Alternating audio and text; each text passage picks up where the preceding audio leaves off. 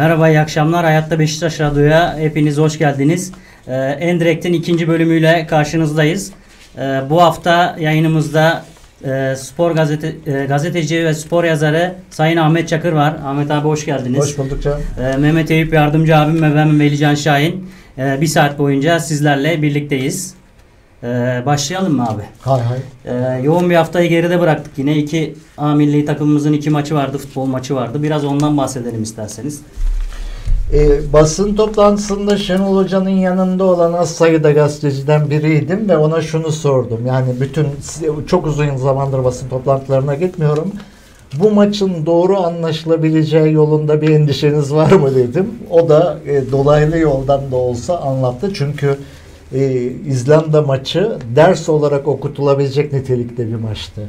İzlanda maçını kazanmaya kalktığınız zaman durmadan santra yapmak zorunda kalabilirdiniz. Öyle bir durum vardı. Şenol Güneş bu yolu kesmişti tamamen. Yani ve eldeki kuş daldaki günden iyidir diye onu korumayı hedefledi ki onu korumak da o kadar kolay iş değildir. Üstelik onu korurken aşağılanacak bir durum söz konusu değil. Türkiye geçmişte çok güçlü takımlarla da berabere kaldı ama hepsi hemen hemen utanılacak maçlardı. Yani Çanakkale geçilmez tek kale maç oynanıyor. İşte sırtına çarpıyor, başına çarpıyor, bir türlü girmiyor falan filan. O değil. Şenol Hoca İzlanda maçına yüzde yüz egemendi. Hatta ikinci yarıda da işte biraz bir stes büyütüp işte e, daha çok pozisyon. O bu- ilk yarıda mesela e, çok iyi oynadığı halde Burak'ın pozisyonu o kafa e, vuramadı kafa. Yani ilk pozisyonda vurmuş gibi göründü ama omuzundan sekiyor. Ve o Burak'ın sorunu. Yani Burak işte 34 yaşına geldi. Hala kafa vurmayı öğrenmedi. Bu şaka ya da espri falan değil. Burak kafa vurmayı bilmiyor. Bunu yıllar önce Şenol Hoca şeydeyken de söyledi. Burak Trabzonspor'da birlikte çalışırken. Çok eksiği var ama çok da gol atıyor. Nasıl yapacağız da bunu anlatacağız şimdi? Yani mesela sen topa vurmayı bilmiyorsun. Topa vurmayı bilmiyorsun dediğinde insanlar yadırgayabilirler. Topa vurmayı bilmek çok özel bir şey. Yani bazen mesela Roberto Carlos'un filan geçmişte kalçadan böyle yatarak bıçak gibi vuruşları vardır Evet, falan. evet. Yani bilmek odur. Onun gibi vuruşlar. Mesela Fenerbahçe'nin hastalanıp gitti Washington diye bir forveti vardı. Çok bir maçta performans. attığı gol için Rıdvan Dilmen allak bullak olmuştu. Adam dedi topa tokat attı adeta dedi. Çünkü topa vurmayı biliyor. Topa vurmayı bilmek o kadar basit iş değil. Mesela ceza alanı üzerine yapılan paralel ortalarda, yerden ortalarda gol ceza alanı içinde de olsa gol olacak diye beklersin. Bakarsın dağlarda top. Dağlar çünkü o toplar çok tehlikelidir. Çok kolay havaya kalkar. E, kalkmaması için topa vurmayı bilmek lazım ve çok azdır bilen oyuncu sayısı. Hakikaten çok azdır.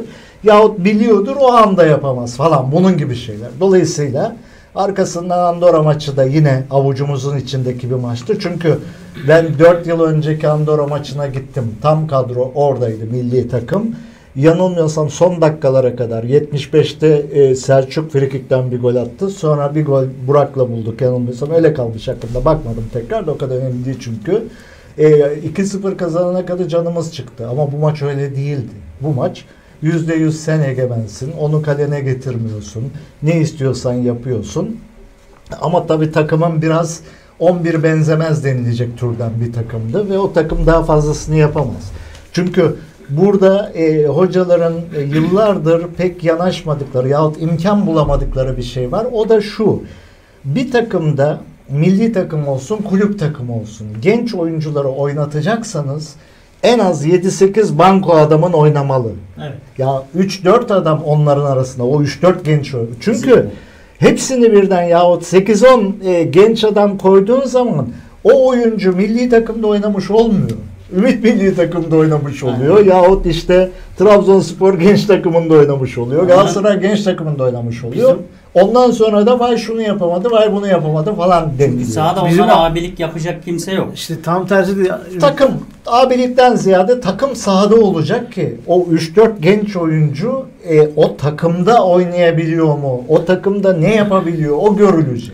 Bir- 11 benzemez de olmaz. Bizim Andorra maçı da sanki dediğiniz gibi yani Ümit Milli takım maçı gibi Biraz oldu. Öyle oldu ama işte orada Şenol Hoca'nın becerisine hakikaten şapka çıkarmak lazım. Çünkü bu konularda bizde öyle sağlıklı analizlerin geleneği yok.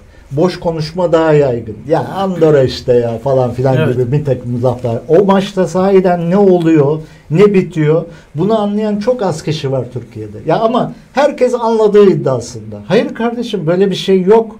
Ve bu aslında çok pis ve kötü bir şey. Yani taraftarlar filan biliyorsun kahvelerde, tribünde, şurada, burada illa anlıyor.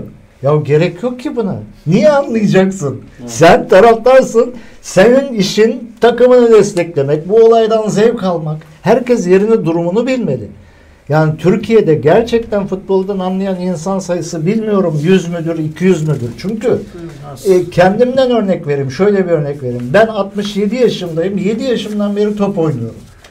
Bugüne kadar Türkiye'de futbolla ilgili olarak ne yazılmışsa hepsini okudum. Akademikte yazılar dahil olmak üzere. Yurt dışından çevrilen hepsini okudum. Türkiye'ye gelen bütün hocalarla çeşitli defalar konuştum. Kurslara, seminerlere hemen hemen hepsine katıldım. Yani bütün hayatımı bu işe vakfettim. Ne kadar anlıyorum çok tartışılır. Yani çünkü anlamak bundan da derin bir şey. Daha da fazla bir şey. Bunun da üzerinde bir şey. Mesela şey diyorlar Trabzonlular işte çok anlar bu. Ya kim anlar ya? Nerede anlar? ya çünkü kavram kargaşası doğuyor. Niye? Ya işte Trabzonlular sever, takımına bağlıdır. Yani doğru kavram kullanmıyorsunuz ama anlıyor. Kadınlar bile anlıyor falan. Böyle laflar. Ya kardeşim erkekler anlamıyor ki kadınlar Kadınlar nereden anlayacak? Offside Bu, duruyorlar. yaşa, bu şeyde bu, ben de o sayıtı söyleyecektim. Şöyle e, bir yılbaşı programında ünlü bir hanım yazarla birlikte adının verilmesi şu anda sakıncalı. E, yayındaydık. E, başka ünlüleri de vardı. Bir karikatürist Erdil Yaşaroğlu arkadaş. Öyle bir eğlence programıydı. Hanım, beyef- hanım dedi ki ya Ahmet Bey bu offside nedir dedi ya. Bir de dedi, kadınlar anlamaz diye aşağılıyorlar dedi. Valla hanımefendi öncelikle şunu söyleyeyim ki dedim erkekler de anlamaz dedim. Anlıyormuş gibi görünür. Çünkü offside'la ilgili olarak konuşmaya başladığında en iyi bildiğini ileri süren insan dahi sana kuralın istisnasını söyler. Nedir o istisnası? Rakip kaleyle arada iki oyuncu varsa offside. Kardeşim bu kuralın kendisi değil. Kuralın istisnası. Ben o hanıma anlattım mesela. Offside dedim bir hanımın anlayacağı şekilde rakip kalenin önünde beleş beklememektir dedim. Bunu enleyen bir mekanizmadır. En basit. Ha, en basiti ama bunun bir takım hesaplamaları var. Yani işte şöyle olacak böyle olacak. Bunu dedim biraz daha anlayabilmek için dedim. Aynı zamanda topun önünde olmayacaksın. Toptan arkasında. ileri olmayacaksın. Topun arkasında geride. olacaksın. Ha. Bunun gibi 2-3 noktayı dedim kafanızda yerleştirdiğinizde işi çözersiniz. Ama dedim bir hanımın anlayabilmesi için temel mevzu rakip kalenin önünde beleş beklemeyeceksin gol atmak için. Ha. Ama daha anlaşılır şekilde hiç kimse topta hücum eden tarafın oyuncusu topun önünde olmayacak. Ee, önünde ise işte rakip kaleyle arasında iki oyuncu olacak. O zaman bozuluyor. Ama bu kuralın kendisi değil istisnası. Dolayısıyla Türkiye'de milyonlarca erkek yani offside'ı bildiğini ileri süren erkek bilmiyor.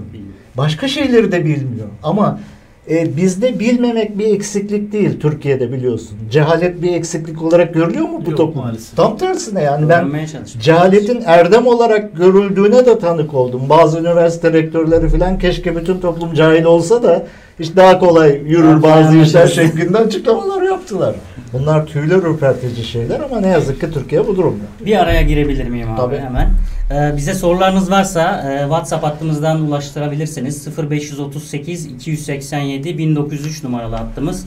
Ee, Instagram, YouTube'dan Hayatta Beşiktaş Radyo e, etiketiyle bizi takip edebilirsiniz. Twitter'da Radyo Hayatta ve www.hayattabeşiktaş.com'dan bizi takip edebilirsiniz. Yine WhatsApp numaramızı bir kez daha tekrarlayayım. 0538 287 1903 numaralı e, WhatsApp hattından Sayın Ahmet Çakır'a ve bize sorularınız varsa bekleriz.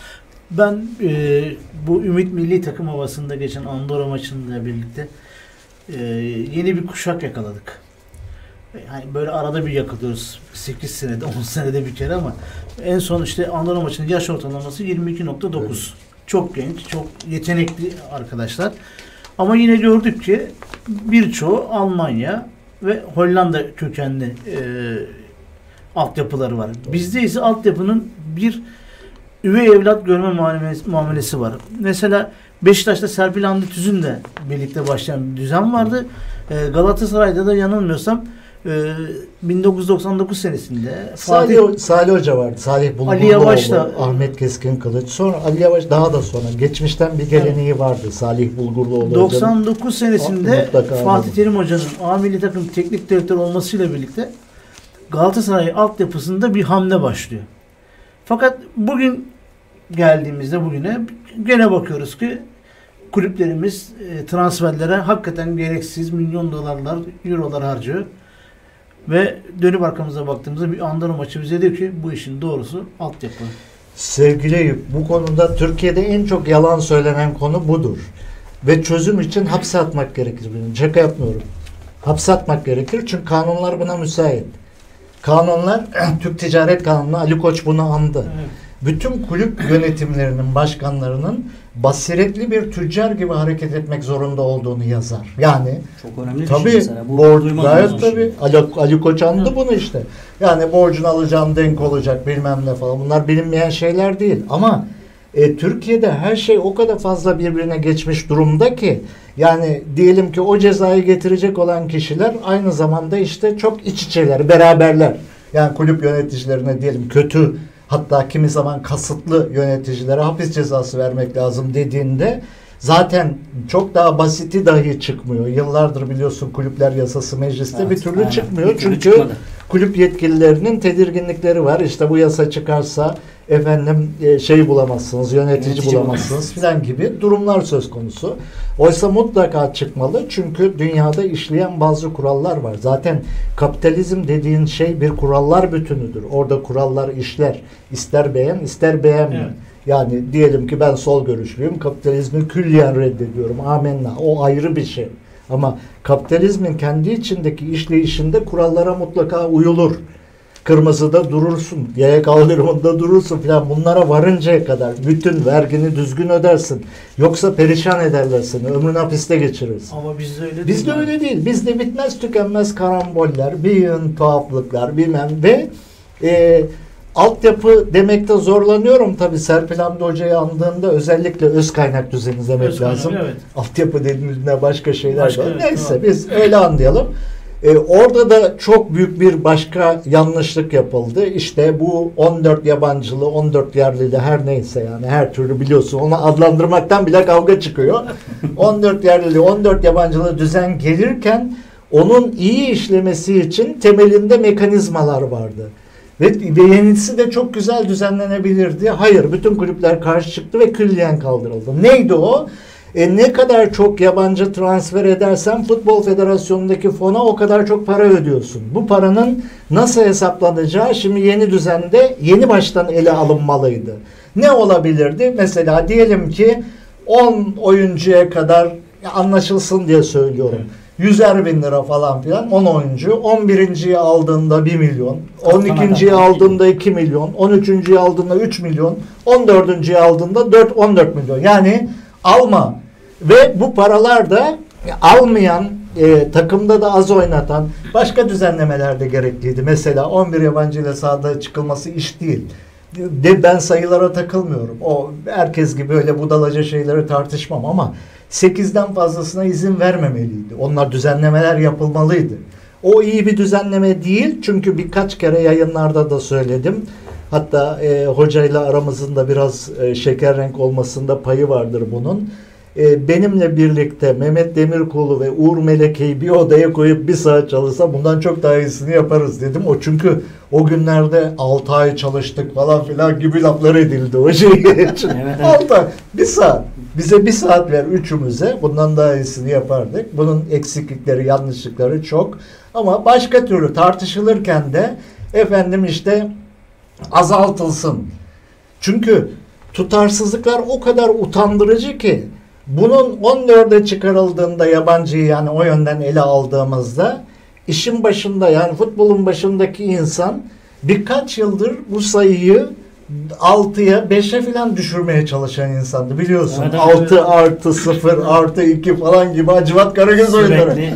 E şimdi peki bu ne? Bu ne? Ama 14 oldu mesela çıkıyor yayına onu da savunuyor. Diyor ki bu diyor asıl iyi düzen. E peki ne yapıyorsun sen? Burada çok tutarsızlıklar var. Çok ciddiyetsizlikler var. O da nereden doğdu biliyor musun? Yani son zamanda tekrar azaltılsın. Sayın Cumhurbaşkanı bir maç izledi. iki yıl kadar oluyor. Bir milli maç işte. Kötü geçti milli maç. Ondan sonra orada dedi ki işte azaltılmalı yabancı sayısı. Ya çünkü çevresindekiler öyle söylüyorlar ve oradan da bir e, bu işi sahiden bilen biri demiyor. Sayın Cumhurbaşkanı bu iş öyle değil. Ya bu yabancıyla falan ilgili değil. Mesela biz İngiltere'den 8 yediğimizde 2 yabancı vardı. O zaman biliyorsun. Yani- Yabancı konten. Evet. Şu an 14 var. Evet. Şu anki A milli takımın Evet ortada. yani o tarz bağlantılar kurmak doğru değil ama bu e, yönetmeliğin bazı hataları var. İlgilileri uyarırsanız da onları düzeltirlerse daha iyi mesafe alırız. Ama mesele yabancı çokluğu değil. Mesele bununla ilgili kriterlerin olmayışı, mesele altyapı yani öz kaynak düzeni konusunda söylenen yalanlar. Şu anda hala çok büyük yalanlar söyleniyor. Şöyle yapıyoruz, böyle yapıyoruz falan. Hiçbir şey yapmıyorlar. Hiçbir şey yapmıyorlar. Masal. Yani yapıyormuş gibi göstermelik bir iki iş. Geleneği olan birkaç kulüp tabii yani hepsini birden suçlayamam. İşte bir Bursa Sporu, bir Trabzonsporu. Beşiktaş, Altınordu Galatasaray bunlar büyüklerden. büyükler. Altınordu mükemmel bir örnek tabii apayrı bir konu yani. Onlar çok sistemli gidiyorlar. Nasıl yapılabileceğini de işte ortaya Örneğin. koyuyor. Yani koskoca Türkiye'nin bir altın ordusu mu olmalı? Yani. Bir altın ordusu mu olmalı? Bu atla değil ki öbür taraflarda boşa harcanan paralarla bugüne kadar neler yapılamazdı? Yani Beşiktaş'tan örnek vermek istemem. Beşiktaşları özlemek, üzmek istemem. Ama bir Del Bosque'ye boşuna ödenen para, ondan sonra e, Ferrari'ye ödenen hepsi 8,5 milyon Çok euro. Ondan sonra Gaziantep'ten gelen oyuncu Tabata'ya. Tabata'ya Tabata. 8 milyon euro. Bunlara ödenen paralarla Beşiktaş Türkiye'de tarihin en büyük öz kaynak düzenini kurabilir ve şu an e, Ajax gibi sürekli futbolcu üreten bir düzen oluşturmuş durumda bulunabilirdi. Ama ne yazık ki işte günlük hayhuy, çok fazla gevezelik, çok boş konuşma. Bu konularda ekranlara çıkan insanların büyük bir bölümü e, neyi ne kadar bildikleri çok kuşkulu olan insanlar ve kamuoyuna da onlara sempatik gelecek şeyleri söylemeyi önemsiyorlar. Çünkü ancak o şekilde var olabiliyorsun. Mesela saatler süren hakem tartışmaları. Hakem tartışması tepeden tırnağa budalalıktır. İstersen 6 ay buradan hiç kalkma mikrofonun başından 6 ay hakem tartışması. Yemeğimiz gelsin. Ha, bununla elde edilebilecek hiçbir sonuç yoktur. E o zaman bu budalalıktır. Ha şu önemli tabii yani efendim işte hakemlik perişan vaziyette olsun da sen değil sesini çıkarma. Mesele bu değil. Mesele o iş hangi mekanizmalarla nasıl yürütülüyorsa eğitim çalışmaları, e, ceza ödül sistemi ne yapmak gerekiyorsa hepsi yapılacak. Ama senin ekrandaki tartışmaların budalalıktan başka bir şey değil. Zaten taraf girsin. Yani penaltıydı, değildi, bilmem verdiydi, vermediydi, bilmem işte oradan yola çıkarak abuk sabuk bir takım laflar filan. Peki bunların sonunda elde edilebilecek olan şey ne? Hiçbir şey. Ama en çok kamuoyunun sevdiği şey de bu. Niye? Çok kolay benimseniyor, çok kolay algılanıyor. Yani ben diyelim beni de seviyor pek çok insan ama işte Ahmet abi anlatıyor ama işte entel takılıyor fazla. Ya lan enteli danteli yok bunun. Gerçekler bunlar. Onlar seni aldatıyorlar, seninle alay ediyorlar. Alay ediyorlar. Kaldı ki bunun bilimsel bir temeli de var. Şöyle bir bilimsel temeli var. Şu anda e, dünyada iletişim biliminin piri sayılan bir adam var. Kanadalı Marshall McLuhan. Bu adam diyor ki Amerikan televizyonlarında pespayeyle yatırım yapan kimse kaybetmedi diyor. Bu bütün dünya televizyonları için geçerli. Ama bu ne demek? Pespayelik insan zaafına sesleniyor. Merak ediyorsun. Yani daha ne yapacak diyorsun. Adam utanmaz. Rezil olmuş ama daha ne kadar rezil olacak? Daha neler yapacak Gündüz diyor. kuşağı programlarında görüyoruz Tabii, tabii. Zaten oradan çıktı. İlk bu işin ayağında BBG ve kaynağı falan gibi bir şeyler vardı ilk adımda. O zaman bizim sosyologlar merak ettiler. Yani bu topluma ne oluyor diye. Baktılar ki bu topluma bir şey olmuyor. Marshall McLuhan bunu söylemiş. Bu iş böyle oluyor demiş. Çünkü insan zaafına seslenen şeyler daha çok seyrediliyor. Öteki diyelim ki işte bilimsel konuşuyor, muhteşem şeyler söylüyor. Adam hakikaten Türkiye'yi kurtaracak formüller bulmuş. Kimsenin umurunda, umurunda umurunda bile değil. İki kişi seyrediyor. Biri diyor ki lan helal olsun bulsa bulsa bu abi bulurdu neyse yani adı. Öteki de diyor ki hadi lan sana mı kaldı diyor işte falan böyle gidiyor. Onun için yani Bir yığın boş konuşma, bir yığın karambol içinde e, gecemizi gündüzümüzü ziyan ediyoruz. Çok şükür ki yani Şenol Hoca gibi adamlar var. Yani bu çizginin çok dışında bir şeyler yapmaya çalışan. Çünkü Türk futbol dünyası bir bütün olarak zehirli bir bataklıktır. Zehirli bir bataklıktır. Tam 60 yıllık bir deneyimle söylüyorum bunu. 60 yıldır top oynuyorum. 50 yıldır anlayarak izliyorum futbolu. Hala oynuyor musunuz abi? Oynuyorum. Nerede oynuyorsun? Her tür o kadar çok Turnuvası ki var. Şey var. E, Efendilik diye Efendilik. ligimiz var. Orada Atletico Hibrit diye bir Ha, takımda çok oynuyorum. Halı saha, TSYD takımının e, sorumlusu durumundayım. Çok fazla maç yapmıyoruz ama nerede nasıl fırsat çıkarsa yazları da Haliç takımında oynuyorum. Aşağı yukarı iki ay kadar e, Şadan Kalkavan turnuvası yapılıyor. Rahmetli Şahane. Şadan Kalkavan. Haliç'in de hamisi durumundaydı. Ona bir saygı olarak turnuva yapılıyor. Orada da oynuyorum. Kaldı ki çok tehlikeli bir şey var. Ee, sağ tarafımda çok büyük bir protez var. Sağ kalçamda. Futbolculuk Ee, döneminden kalma mıdır? Değil. e, sonradan oldu. Bir trafik kazasından dolayı olsun. oldu. E, doktoruma oynuyorum dediğim zaman, top oynuyorum dediğim zaman e, Kasımpaşa stadında, Recep Tayyip Erdoğan stadında karşılaşmıştık. Merdivenlere kapaklanıyordu. Hocam vallahi dedim haftada bir maçtan fazla oynama. Çünkü o bana dedi ki topa uzaktan bile bakmayacaksın dedi bundan sonra yeter artık dedi. 2007 2007'de evet. Galatasaray'ın bir sulu maçı vardı. Onun bir gün sonrasında ameliyat oldum. Hani Fenerbahçe, Fenerbahçe sahaya maçı, sular sahaya yağdı ya. Pek Onun şey bir gün sonrasında ameliyat oldum.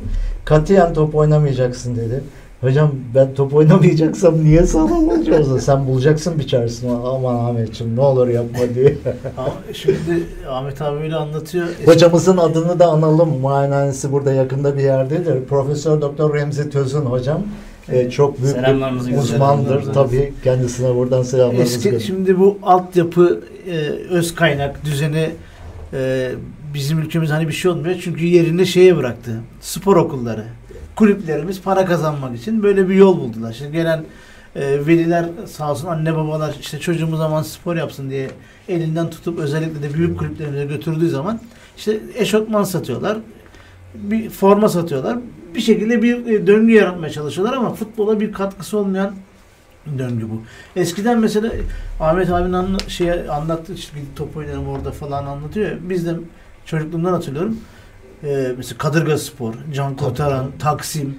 Bunlar Semt böyle semt kulüpleri vardı. Sokak Bunlar bir nevi oynamak. büyük takımların altyapısı gibi çalışırlardı. Yani sen orada yetişen çocuklar 15-16 yaşında seçmelere gelirler. Seçmelerde de işte seçilirlerse eğer teknikleri, yetenekleri Galatasaray'a, Fenerbahçe'ye, Beşiktaş'a uyarsa seçilirler alırlardı. Ben çok iyi hatırlıyorum. Mesela Zekeriya Alp şimdiki MHK başkanımız Kadırga'da Cinci sahası diye bir yer vardı. Kömür tozu böyle kocaman. Yazın turnuvalar olurdu orada. İşte o zamanki adı ikincilik. Gelirdi böyle yukarıda köşede durur. O arabanın yanında oturdu böyle seyrederdi. Oyuncu seçerdi yani. Vefa stadında seçerdi. Baba hakkı mesela Kahraman Kartaloğlu'nu almıştı orada Zurat Baba'daki bir maçta. 4-3 kazandı, 4 gol attı. Yoksa Bolu'ya gidiyordu. Oralar tabii hep futbolcu Bakırköy, tarlasıydı. Zuhurat Baba, Evet, Cinci evet. sahası, Can Kurtaran. Evet. Buralar hakikaten yani eskiden böyle bir şey vardı. Metin Futbolcu Kurt'un dediği gibi futbol arsada güzeldi. Bu arsada değildi. Evet, evet. E biz o geçişi yapamadık. Yani dünya yaptı. Yani işte bu Ajax'ın durumu, düzeni falan filan.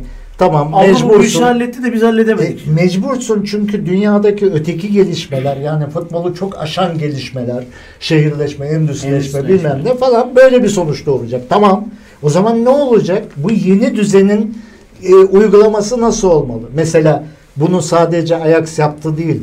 Almanya'nın da ilginç bir uygulaması oldu. O beni çok eğlendirir aslında. E, şöyle e, Almanya işte biliyorsun 1996 Avrupa Şampiyonası'nda şampiyon olduktan sonra çuvallamaya başladı. E, 98 Dünya Kupası, 2000 Avrupa Şampiyonası falan berbattı.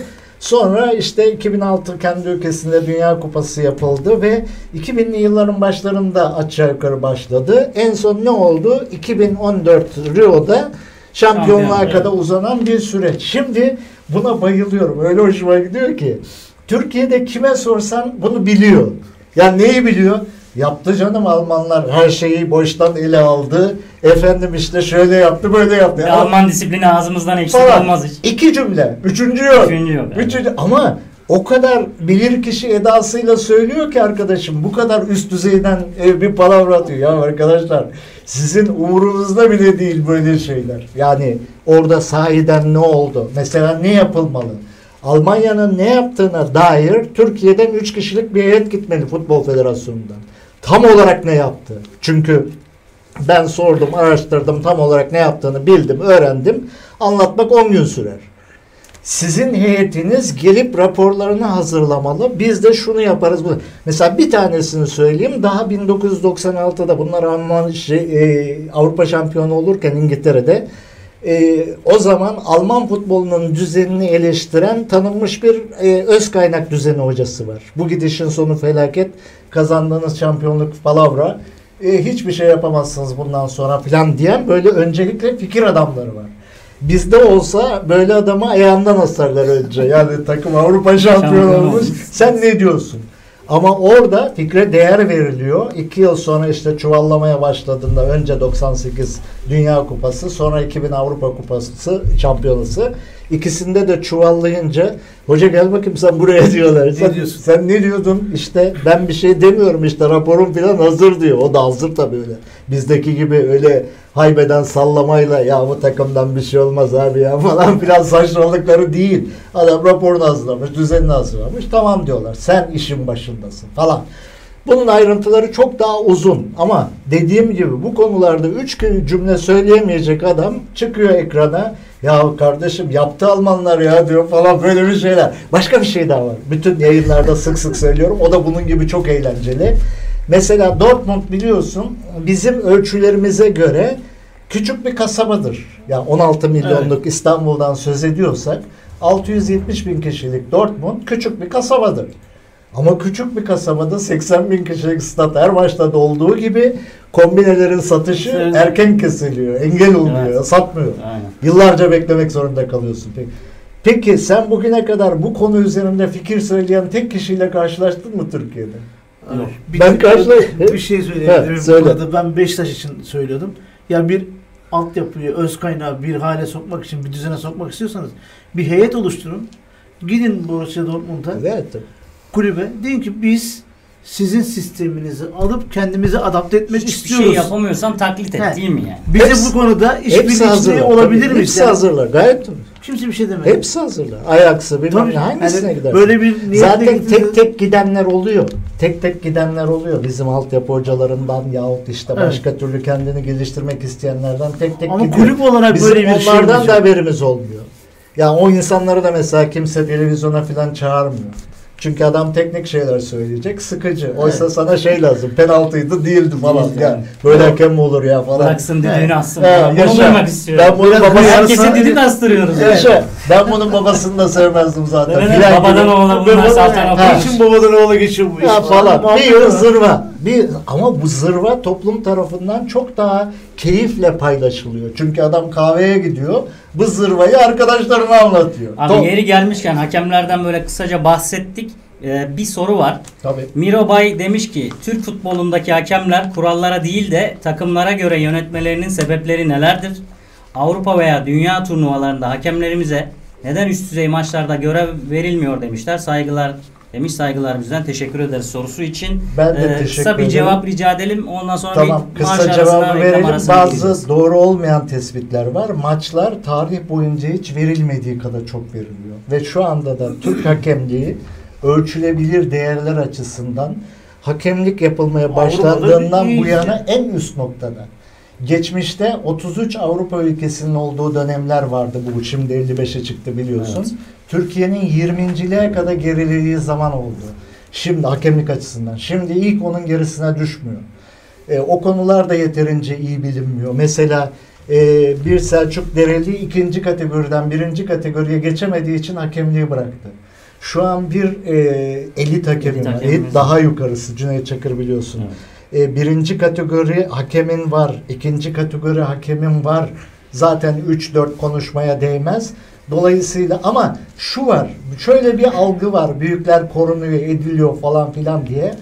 Fakat keşke o konuda bir araştırma yapılabilse. Yani büyükler gerçekten korunuyor mu yoksa zarar mı görüyorlar? Niye biliyor musun? Bu konuda ölçülmüş bir şey yok. Ama genel yargı ve algı büyükler korunuyor şeklinde. Evet, evet. Taraftarının gücü falan filan olabilir. Amenna. Ama ölçülmüş bir şey yok bugüne kadar. Belki de haksızlığa uğruyorlar. Korumak bazen zarar da Ya veriyor. Tam şöyle tersi. haksızlığa uğrayabiliyor. Diyelim ki adam 75 dakika tek kale oynuyor. Beşiktaş için bir rakip diyor. 75 dakika. Dünya kadar pozisyon buluyor. Veriyor vermiyor diye 3 penaltısı var birini veriyor. Evet. Sen de o zaman verilen penaltıyı konu. Ya böyle penaltı mı olur Evet. diyorsun. O iki penaltıyı vermedi. Aynen. O da olacak. Yani o yüzden bunlar hep boş laf. Yani izleyicimiz darılmasın. Türkiye boş lafın korkunç egemen olduğu bir ülke. Onun içinde yargılar da buna bağlı. Yani şimdi hakem tartışmaları, hakemler hata yapmıyor mu? Yapıyor tabii. Elbette işte Beşiktaş'ın son maçı işte açık bir örnek. Başka hatalar dünya kadar yapılıyor. Ama e, aynı hafta biliyorsun ki Liverpool e, maçını da izledin. Liverpool Manchester City. Daha 5. dakikada mutlak penaltıyı vermedi vermedi, lehine.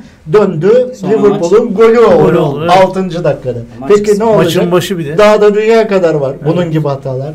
Şimdi dolayısıyla onların hepsi boş konuşma. Bizim hakemlerimiz şöyle kötü böyle kötü. Hayır tam tersine.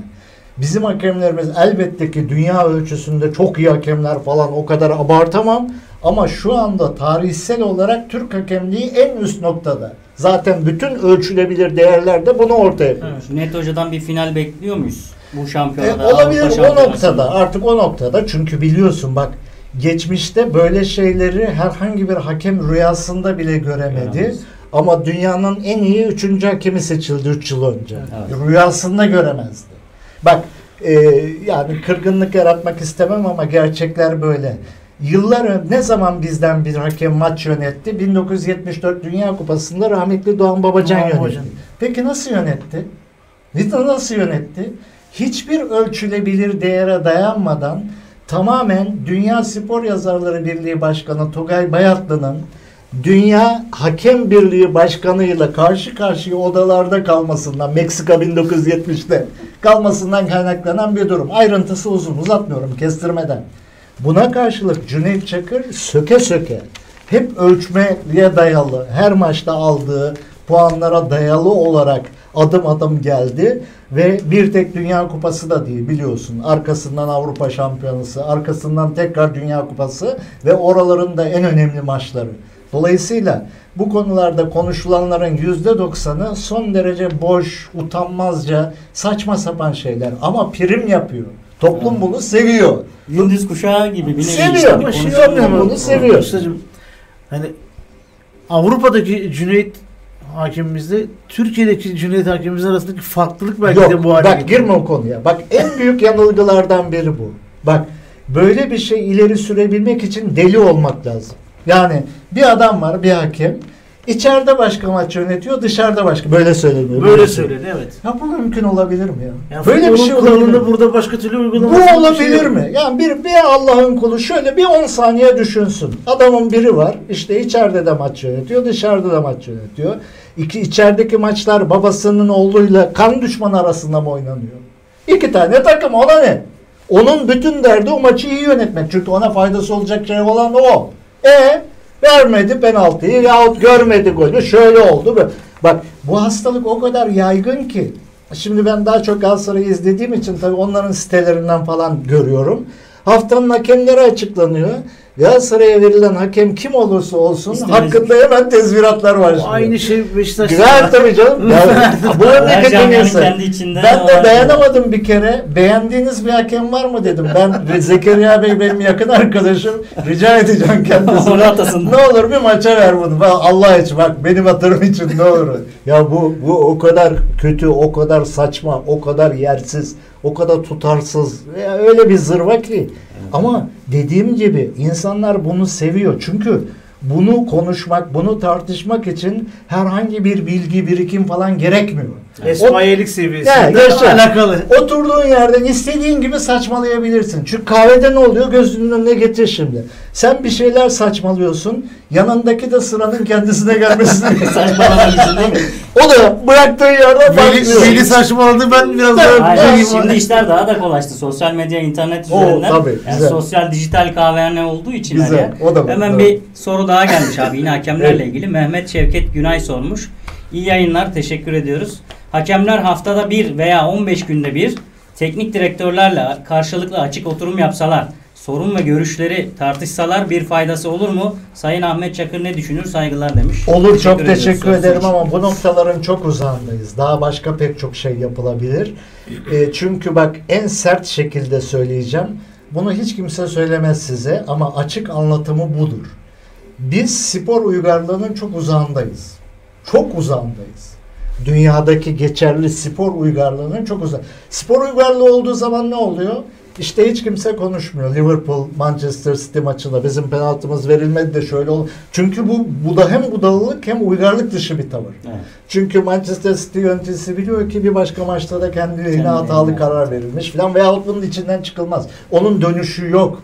Yani İngiltere'de Futbol Federasyonu heyeti toplandı da işte Merkez Hakem Kurulu. E bu maçın başında e, City'nin penaltısı verilmedi. Böyle maç olmaz kardeşim. Böyle bir şey yok. Bunları geç. Dolayısıyla başka türlü diyalog kanalları keşke bulunabilse. Keşke hakemler konuşsa ama korkuyorlar işte yani e, Merkez Hakem Kurulu da korkuyor. Çok çabuk yozlaşır. Her şey çorbaya döner. İstediğimiz sonuçları elde etmeyebiliriz. Yani tam tersi sonuçlar olabilir diye. O yüzden kapanmayı yeğliyor. Dolayısıyla e, burada ne yazık ki bu tür uygar önermelerden alabileceğimiz herhangi bir sonuç yok. Daha uzun yıllar biz böyle bu pespaya sorunların içinde çırpınıp duracağız. Çünkü görüyorsunuz yani TRT'de mesela Cem Dizdar kardeşim Evet. anlatmaya çalışıyor bunları. Hala e, gelen tepkiler falan filan tüyler ürpertici derecede saçma sapan şeyler. Ama yok şöyle oldu, yok böyle oldu. Adam çırpınıyor ya işte oyunun düzeyini yükseltmek, işte kalite, e, bizi kurtaracak olan şey bu. Hayır, e, vatandaş abi bizim penaltıyı vermedi ya bu hafta. Ne konuşuyorsun sen? Biz o kadar para harcıyoruz. Takım bilmem ne yapıyor falan. Peki Avrupa'daki harcamıyor mu? Parasal olarak ölçmeye kalkarsan bak senin maçında yaptığı hakemin hatasından dolayı göreceğin zarar diyelim ki 1 milyon liradır. Yani Avrupa'da- yaklaşık. Yani. Ya adam Şampiyonlar Ligi finalinde 100 milyon dolar kaybediyor ya. E ne yapacak? Ya evine güle güle. Ne yapalım? Aslında şunu da yapabilsek Ahmet abicim. Mesela bir maç bitti. İşte hakem de soyunma odasına gitti. Bir terisi oldu. Kendi bir kendine geldi. O adrenalin yavaşladı. Aşağı indi. O iki teknik direktör, iki takım teknik direktörü ve hakemimiz ortaya çıksa, orta bir basın toplantısında soruları yanıtlasa, ya bak maçın içinde böyle oldu falan. Sanki birazcık daha böyle bir adım atabiliriz. Ama dünyada da örneği yok. Zor ve burada alabileceğimiz yolu bize gösteren iç insanlar var içimizde. Mesela Abdullah Avcı'nın hakem konusunda filan öyle herhangi bir bugüne kadar şöyle Yok, oldu böyle evet. oldu filan tarzında bir tavrı yoktur. Ama bununla bir yere varılmaz. Tam tersine kendi sonraki maç için oyuncularını filan düşürmüş olursun. Evet. Ya der ki işte hakemler madem bizi şampiyon yapmayacak o zaman Biz niye ne oynuyoruz? yapayım değil mi? kardeşim Boşuna ne kadar oynayayım daha yani. falan. Geç bunları. Böyle şeyler yok. Tamam kötü hakemlik, aleyhine karar, hatalı karar, rezalet. Bunların hepsi doğru. Hiçbir itirazım yok. Ama bunlarla ilgili olarak bu televizyonda konuşan arkadaşların, kahvelerde konuşan arkadaşların yapabileceği hiçbir şey yok. Ne yapılabilecekse onu Zekeriya Alp yapar. Ve hem kişisel olarak hem adam olarak hem MHK başkanı olarak Zekeriya Alp yapar. Merak etme. Allah kolaylık versin. Ha, onu da da işi zor zaten, yani. onu da tanımıyorlar. Yani Evet. kim konuşuyorlar haybeden. Zekeriya Alp'in umurunda mı orada bulmak? Umurunda mı? İlk kez getirildiğinde neredeyse hüngür hüngür ağlayacaktı ya anlaşılsın diye söylüyorum. Evet. Miami'de tatil yapıyordu o sırada. Zaten bir ayağı Amerika'daydı. Ya Ahmet abi benim ne işim var bu cehennemde ya işte. de- hakemmiş de bilmemiş de hata yapmış da kasıt varmış da. Dünya kadar Bizim baskı var adamlar. Bunlar Ticari ilişkileri söyleniyor efendim. Bu yaşa, yaşa. 1982 senesinden beri zaten koç grubuyla ticari ilişkiler Yani içerisinde komedi, Zekeriya- komedi ya. Yani Ko- böyle bir bil- şey- bilmezler bile birbirlerini. Tabii canım. Ne koç bilir ne o bilir. Ya o Kesinlikle. bilir tabii koça yan sanayi veriyoruz falan filan diye ama koç bilmez bile. Bir araya gidelim abi. Ondan Tabii. sonra Evet. tekrar devam edelim. Tabii. Bir marş arası ve reklam arası veriyoruz. Tekrar birlikteyiz.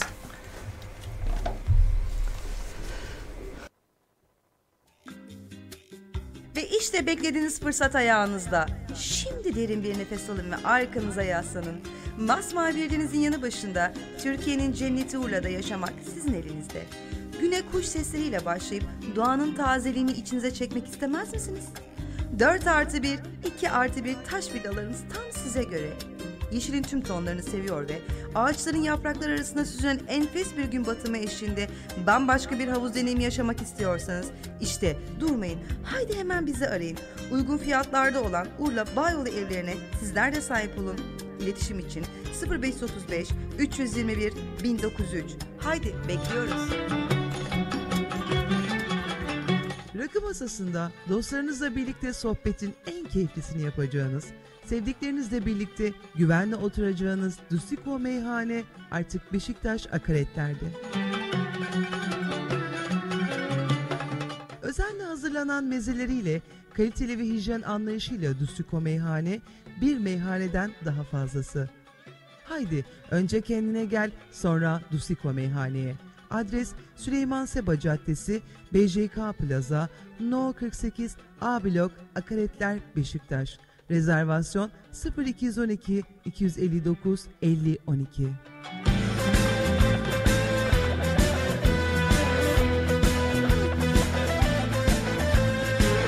Güvenle yiyeceğiniz, tam anlamıyla hakiki kasap sucuğu olan, kendi besilerimizin etleriyle, kendi imalat tesisimizde üretilen %100 dana eti, mangalı ayrı güzel, tavası ayrı güzel ceret ile lezzetin zirvesini yaşayın.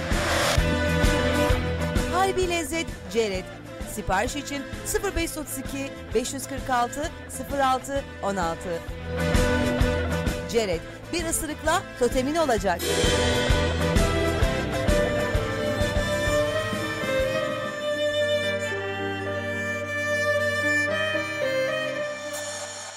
Okulları 21. yüzyılın becerileriyle donatılmış, bireysel farklılıkların farkında, özgüveni yüksek, alanında lider, çağın gerekliliklerine uygun bireyler yetiştiriyor.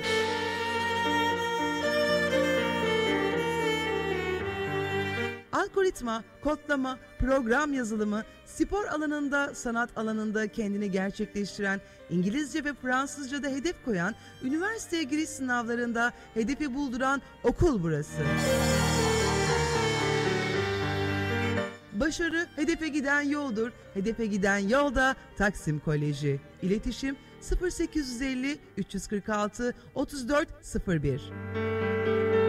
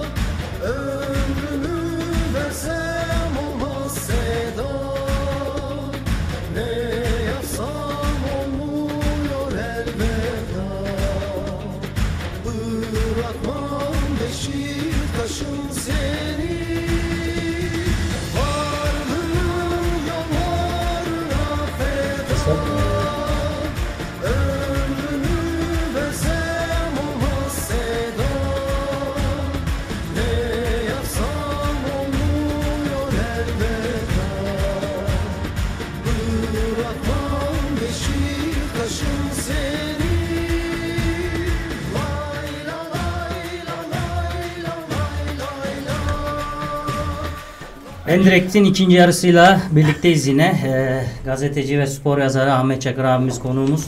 Evet abi biraz da Beşiktaş'tan bahsedelim. Seve seve. Ee, Beşiktaş biliyorsunuz Abdullah Avcı'nın gelmesiyle bambaşka bir yönetim de değişti şu anda. Evet. Bambaşka bir hale bürünmüştü. Sezon başında geldi Abdullah Avcı. Ee, çok eleştirildi. Son zamanlarda biraz böyle takım çıkışta yönetimin değişmesiyle birlikte bir motivasyon da geldi takıma. Neler söyleriz? Sizce nasıl durum? Şimdi Abdullah Avcı'nın değerini ve önemini kimse yatsıyamaz. E, işin tatsızlaşmaya başladığı bir dönemde o da söylemek zorunda kaldı. 22 yıldır bu işin içindeyim ve en yukarılardayım ve çok da talep görüyorum. Yani sadece Beşiktaş'tan değil, başka yerlerden de arandım demek zorunda Ne kaldı. doktorlar ne mühendisler istediği falan. getirdi biraz değil mi? Ona döndü ama oraya zorladılar. Çünkü adını vermeyeceğim bir spor yazar arkadaş. Bunları niye yaparlar aklım sırrım ermez. Üstelik yani TRT'de de çalışıyor fazladan. Şöyle dedi. Niye gerekliyse bu sezon başlarken Abdullah Avcı 6. haftada gider Beşiktaş'tan şeye döner Başakşehir'e. Okan Buruk da kendine iş arar falan gibi böyle son derece aşağılayıcı abuk sabuk bir şey. Ben de bunun niçin gerekli olduğunu anlayamadım. Bizde bu tür hastalıklar çok fazla. O bir de 6. haftanın bir büyüsü var herhalde. 6. haftada gider. İlla Daha o- önce o evet, Aykut Kocaman için de e, bunu yapanlar olmuştu. Fenerbahçe'nin başındayken. 6. haftada gider falan.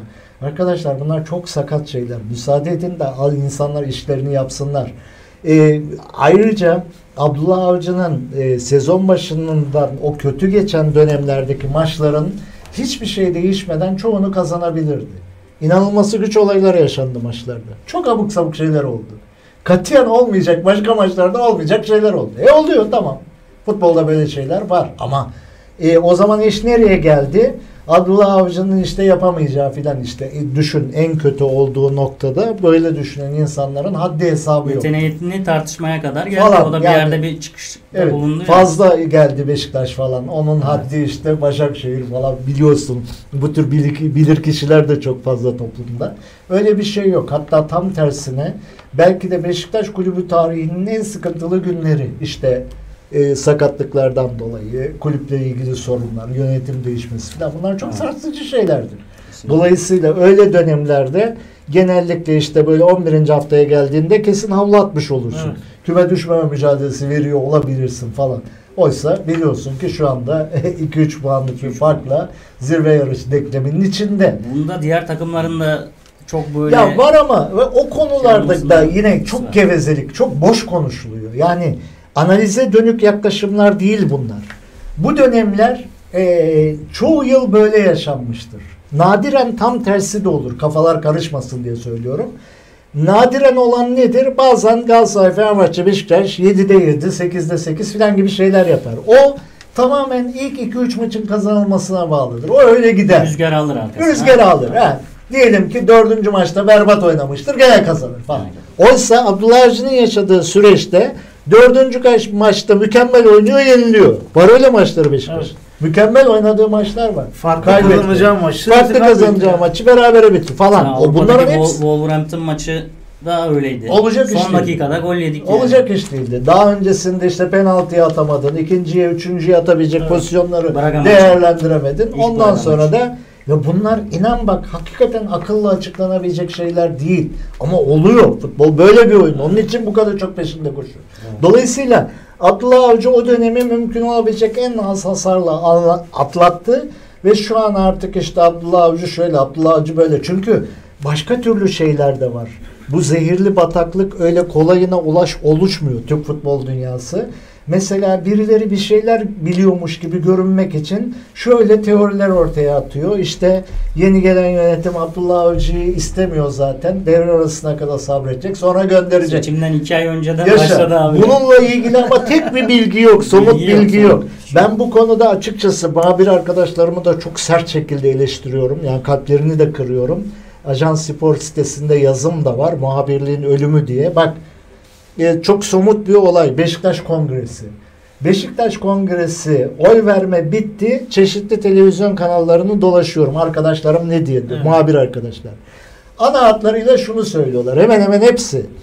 İki aday e, sonuna kadar çekişecekler.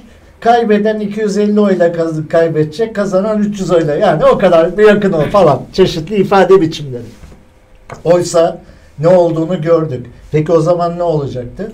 O zaman ertesi gün bütün Beşiktaş muhabirleri kovulacaktı. Çünkü bak benim öyle zaten bu işsizlik ortamında arkadaşlarım işsiz kalsın falan filan gibi bir derdim yok. Niye? Siz çalıştığınız kurumu kamuoyu önünde kepaze ediyorsunuz. Yani 250-300 oyla sonuçlanacak diyorsun. 2000 küsur oy. Ve Beşiktaş tarihinde olmamış bir şey. Olmaz. 3 adaylı adaylı seçimde 2000 küsur oy nasıl olur ya? Çok müthiş bir şey. Ama peki ne oldu? Siz orada dalga geçtiniz. Görevinizi yapmadınız. Yani salonda fikir önderi sayılabilecek yahut işte iki tarafın e, e, ideologları denilebilecek adamlarla konuşarak rahatlıkla bir takım sonuçlara varılabilir. Ben 40 yıl yaptım bunu. Nasıl yapıldığını biliyorum. Üç etkili adamla konuştuğunda harfiyen tahmin edersin ne olacağını. O kadar büyük bir bilmece değildir. E ne oldu ondan sonra? E, bu şeyde de oldu ama. Fenerbahçe'de de oldu. Ali Ç- Ali e, Koç'un Ali Koç'un yarışında Aziz Yıldırım'la yarışında 20 bütün arkadaşlar kafa kafaya gidiyor. Aziz Bey son anda dayanak da şu söylüyorlar. E, dayanak ne? İşte bütün üyeleri kendi yaptı 20 yıllık görev süresi içinde. Onlar Yıkılmaz falan. son bir vefa daha yapacak. Kampanya falan da yapmışlar. Falan. 16'ya 4. Hepsi kovulur. Yani uygar bir kapitalist bir ülkede çünkü kapitalist ülkenin ölçüsü işini iyi yapmaktır.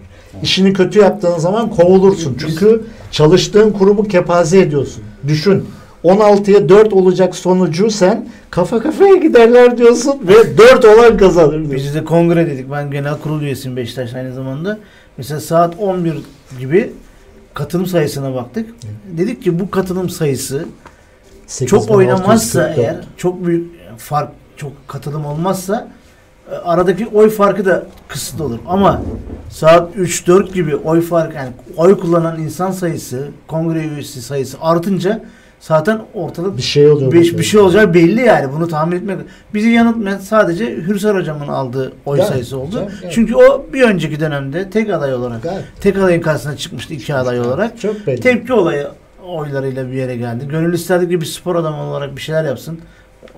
Şimdi bu nereden Başka oluyor? yani. Bak o arkadaşlarım hiçbiri kongrenin nabzını tutmadılar. Çay kahve içilen yerlerde birlikte sohbet ettiler ve ondan sonra da bunu kongrenin nabzını tutmak olarak gelip bize masal anlattılar. Bu çok ayıp bir şey. Çok ayıp bir şey. Olmaz böyle. Dolayısıyla inan bütün Fenerbahçe muhabirlerinin, bütün Galatasaray, şey, Galatasaray'da böyle bir şey olmadı. Yani bu tarz bir Evet. durum olmadı. Bu büyük çünkü mesele incelik burada işte onu söylüyorum. Sen çalıştığın kurumu kamuoyu önünde kepaze ediyorsun. İşini doğru yapmıyorsun. Yoksa bunlar bilmece değil, o kadar bilinmez şeyler değil. Şey diyor arkadaş e, bazı kanallardaki arkadaşlar işi komediye çevirdiler. Diyor ki peki diyor 200-300 farkla kazanan kim olacak? İçeriden soruyorlar mesela. Şimdi arkadaş Hacivat Karagöz oyunu. Bazılarına göre diyor işte e, birinci aday neyse ya, adlarını anmaya gerek yok. Ama başka bazılarına göre yani sanki çok önemli değişik bir şey söylermiş gibi öteki aday. E peki sen ne söyledin o zaman yani ne söyle ama bunu düşün milyonlarca kişiye seslenen bir televizyon kanalında arkadaşım bana Beşiktaş Kongresi ile ilgili olarak Hacivat Karagöz oyunu oynuyor. Ve benim de bunu haber olarak kabul etmemi istiyor. Yorum olarak kabul etmemi istiyor. Yorumcular da yaptılar. Söylemeyeceğim bir kanalda e işte yorumcu diyor ki ilk dört sandık açıldı. İlk dört sandıkta biliyorsun Ahmet Sayın Ahmet Çebi'nin işte belli bir üstünlüğü var. E, yorumcunun biri diyor ki ben diyor gittim çarşının nabzını tuttum diyor. Bu diyor tam böyle gitmeyecek diyor. Gene sonlara doğru diyor birleşecek. Kıl payı ikisinden biri ama Onu diyor istiyorlar. Kafada o var. Serdal Adalı'nın hala şansı var Abi falan. bu şeyde de yok mudur? Şimdi biz ligi takip ediyoruz. Şimdi 5 hafta öncesinden birinin şampiyonluğunu ilan etmesi kimsenin işine gelmez. Sadece o takımın taraftarları sevinir. Diğerleri televizyonu kapatır kimse izlemez. Biraz onun da etkisi var aslında. Ama yani burada- son haftaya kadar kafa kafaya gitsin Burada istendiği temel için. mesele görevlerini iyi yapmamaları. Çünkü başka türlü de anlatabilirim sana. Bak sen dedin 8644 kişi. 8644 kişi içinde dünya kadar renkli adam var. Zafer Algöz var mesela. Evet. Bilmiyorum katıldı orada mıydı? Yok, Katıldı Zafer mı? Algöz e, Neyse genel yani. kurulu üyesi değil. Falan. Değil mi? Ha. Değil. Beşiktaş olduğunu biliyorum da neyse. Ya eski başkanlar var. Yahut işte Beşiktaş kamuoyunun tanıdığı, sevdiği, ilgilendiği adamlar var. Siz bir tek röportaj izlediniz mi onlarla? Ya falan adam işte bugüne Yılmaz kadar Erdoğan geldi mesela. Evet, kongrenin nabzını bugüne kadar iyi tutmuştur. Nasıl görüyorsunuz filan denildiğini gördün mü? Orada arkadaşlar çay kahve içiyorlar, sigara içiyorlar, muhabbet ediyorlar. Sonra da bağlanma saati geldiğinde efendim işte çok çetin bir yarış olacak. Kazanan 250 oyla kazanacak. Falan. kongre havası sürerken mesela kimse yok ortada ne kamera bir şey yani herkes kendi işinde. Başkan adayları çıkıp işte bir konuşma yapacaklarsa eğer bir anda böyle ortaya çıkıyorlar. Nereye girdiler sonra bir anda ortaya çıkıyor. Bakıyorlar mesela çekiyor. Ondan sonra onun üzerine yorumlar işte. Kazanır Serdar Bey kazanır. Ya da işte Ahmet Bey E bunun başka tarafı gider. da var. Bak gazetecilik öldü diyoruz. Hakikaten öldü. Bugün gazete tirajları filan e, Türk tarihinin en korkunç günlerini yaşıyor. Yani Cumhuriyet'in ilk kurulduğu yıllarda nüfusumuz 10-12 milyonken dahi tirajlar bundan daha fazlaydı. Neler söylendiğini herhalde biliyorsunuz. Kamuoyu önünde başka şeyler konuşuluyor da. E, bunun tabii ekonomik ve siyasal sebepleri var ve bunlar çok önemli. Hiçbir itirazım yok. Çok büyük sebepler bunlar. Çok yıkıcı sebepler. Ama gazetecilik de yapılmıyor. Hiçbir boyutta yapılmıyor. Yani sen ne zaman diyelim ki sporla ilgili bir yazı dizisi okudun herhangi bir gazetede falan konuyu araştırdık mesela. Türkiye'de öz kaynak düzeni niye işletilmiyor? En sorumlu kişilerle konuştuk ve anlattılar gerçekleri. Ki neler anlatırlar? Neler anlatırlar? Ben bir büyük kulübümüzde öz kaynak düzeninin dört hocasının merdiven altında bir masanın üzerine gazete sererek e, bir tencere evden gelen dolmayı yediklerine tanık oldum. O sırada orada işim vardı. Düşün. Dört öz kaynak düzeni hocası evden bir tencere dolma gelmiş onu yiyorlar. Düşün. Büyük takımlardan biri bu. Büyük kulüplerden biri. Takımla kulübü karıştırmamak lazım. Orada kavram olarak da çok karşılaştırır. Beşiktaş kulübü yenildi der mesela arkadaşımız. Değil lan takım yenildi. Takım yenildi. Kulüp de yenildi. Beşiktaş kulübü çok başka dünya kadar takımı var. Dünya takımı. Son olarak abi bu torba meselesine getireceğim konuyu da. sizin, sizin şimdi e, anlatmak isteyeceğiniz şeyler var. Biz de şimdi tabii ki bunu değiştirmek biraz zor. Yani her yerde öyle yazılıyor, öyle çiziliyor. Yıllardır öyle konuşuluyor. E, şimdi A milli takımımız Euro 2020'ye katılmayı garantiledi. Şimdi torbalardan kurallar çekilecek diyeceğim. Ahmet abi kızacak. Torbalardan torba beğen. Dört, dört torba var demeyeyim. Artık kategori diyor. Dört Evet. kategori. Kategori var. Abi torba meselesinde sizden Şöyle bak ederim. en kısa inan gerçekten bezdim ve artık umudumu kestim diyemeyeceğim. Yanımda bir iki kişiyi görmek istiyorum. Çünkü o bir iki kişi aynı zamanda e, doğru kavram kullanmaktan, bilimsellik falan diye abartmak istemiyorum. Hiç değilse ana dilini düzgün konuşmaktan filan e, biraz sorumluluk duyan olsun. Onu bile görememek insanı hakikaten fena yapıyor. Şöyle torba geçmişte vardı. Torba hiç olmayan bir kavram değil. Arkadaşlar külliyen yanlış bir şey kullanıyor anlamında söylemiyorum. Ne oldu biliyor musun? Yani bu bir olay değil. Bir tanesini söyleyeceğim. 1960 yılının şampiyonu Real Madrid. Şampiyon Kulüpler Kupası'nda.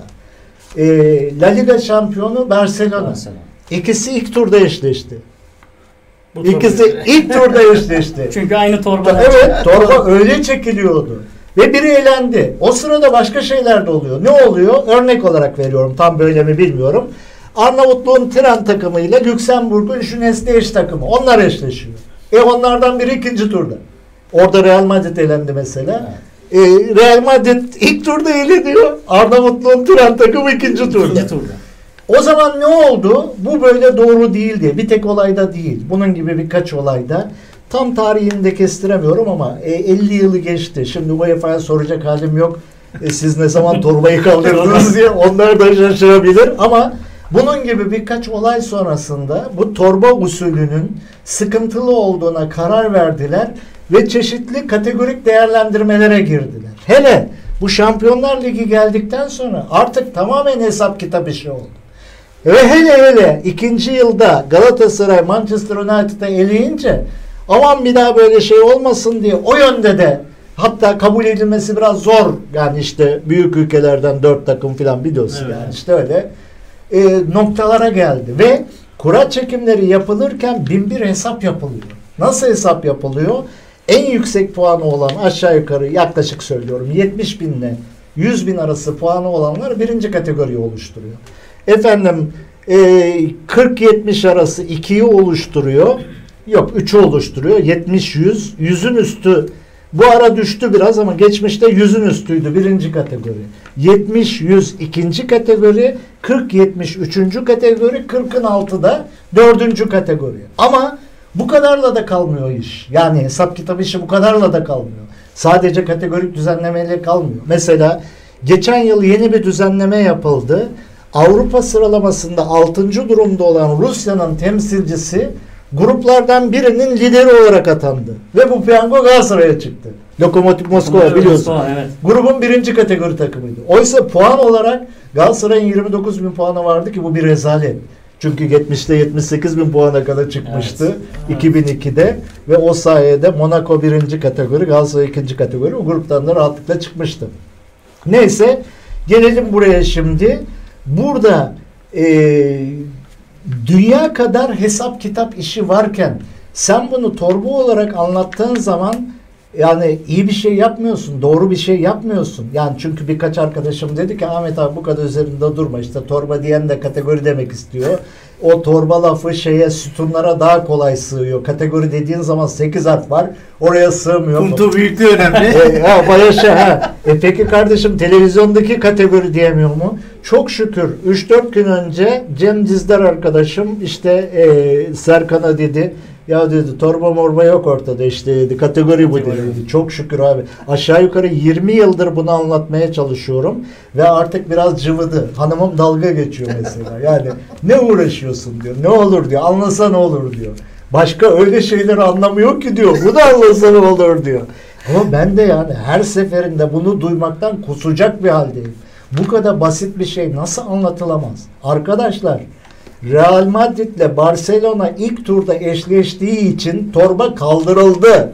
Torba yok artık. Torba yok. Torbalar paralı oldu artık. Evet. zaten. Ayrıca bak Torba, torbadan Malboro bile kalmadı. Başka bir Onu şey daha oluyor. Mesela torbaya en yakın kura çekimleri oluyor bazen. Birinci seri, ikinci seri.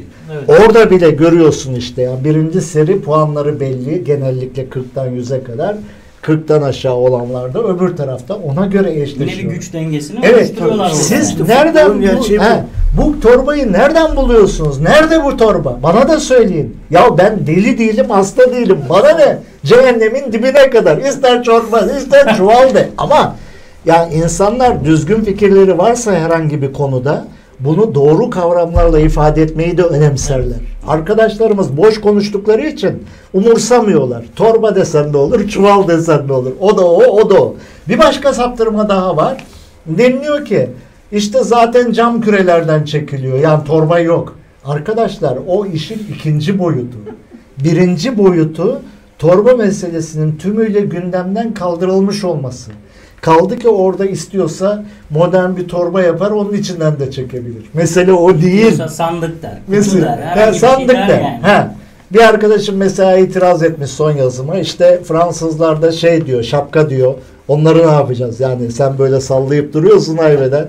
Yahu tam niye şapka deniyor tam öğrenemedim. Fransızca bilmiyorum.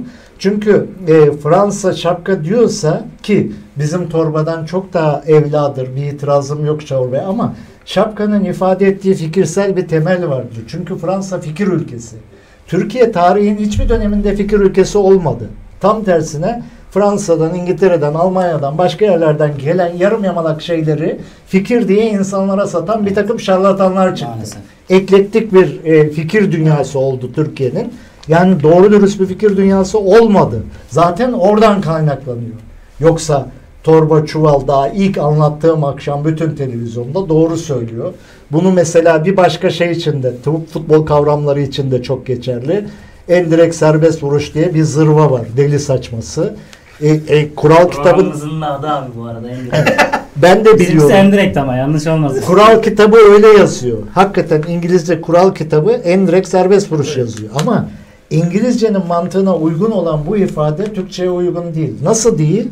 E, Türkçe'de en direkt olan hiçbir şey aynı zamanda serbest olamaz. En direkt çünkü serbest olmadığı serbest anlamına. anlamına. E bunun da bir çözümü var. Yani karşı çift vuruş.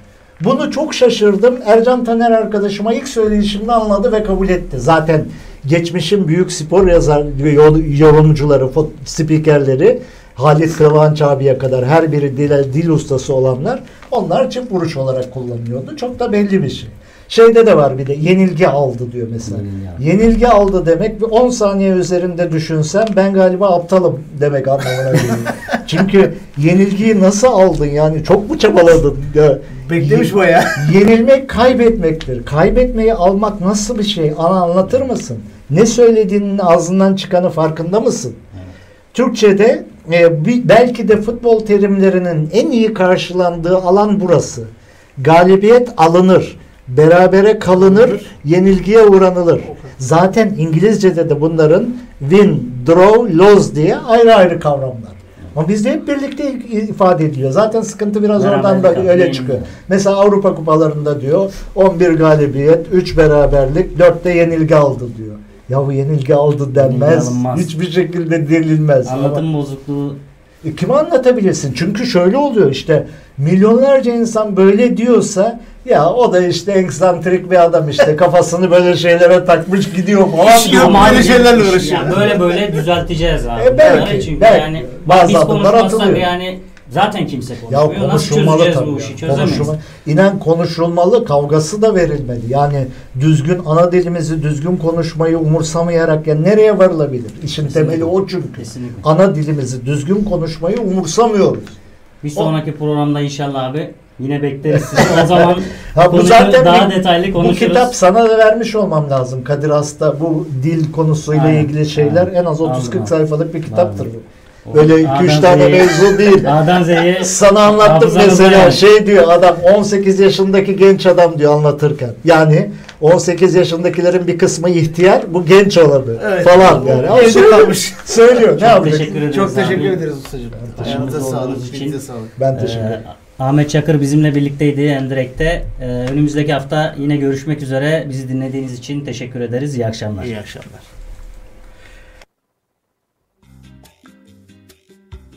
İşte beklediğiniz fırsat ayağınızda. Şimdi derin bir nefes alın ve arkanıza yaslanın.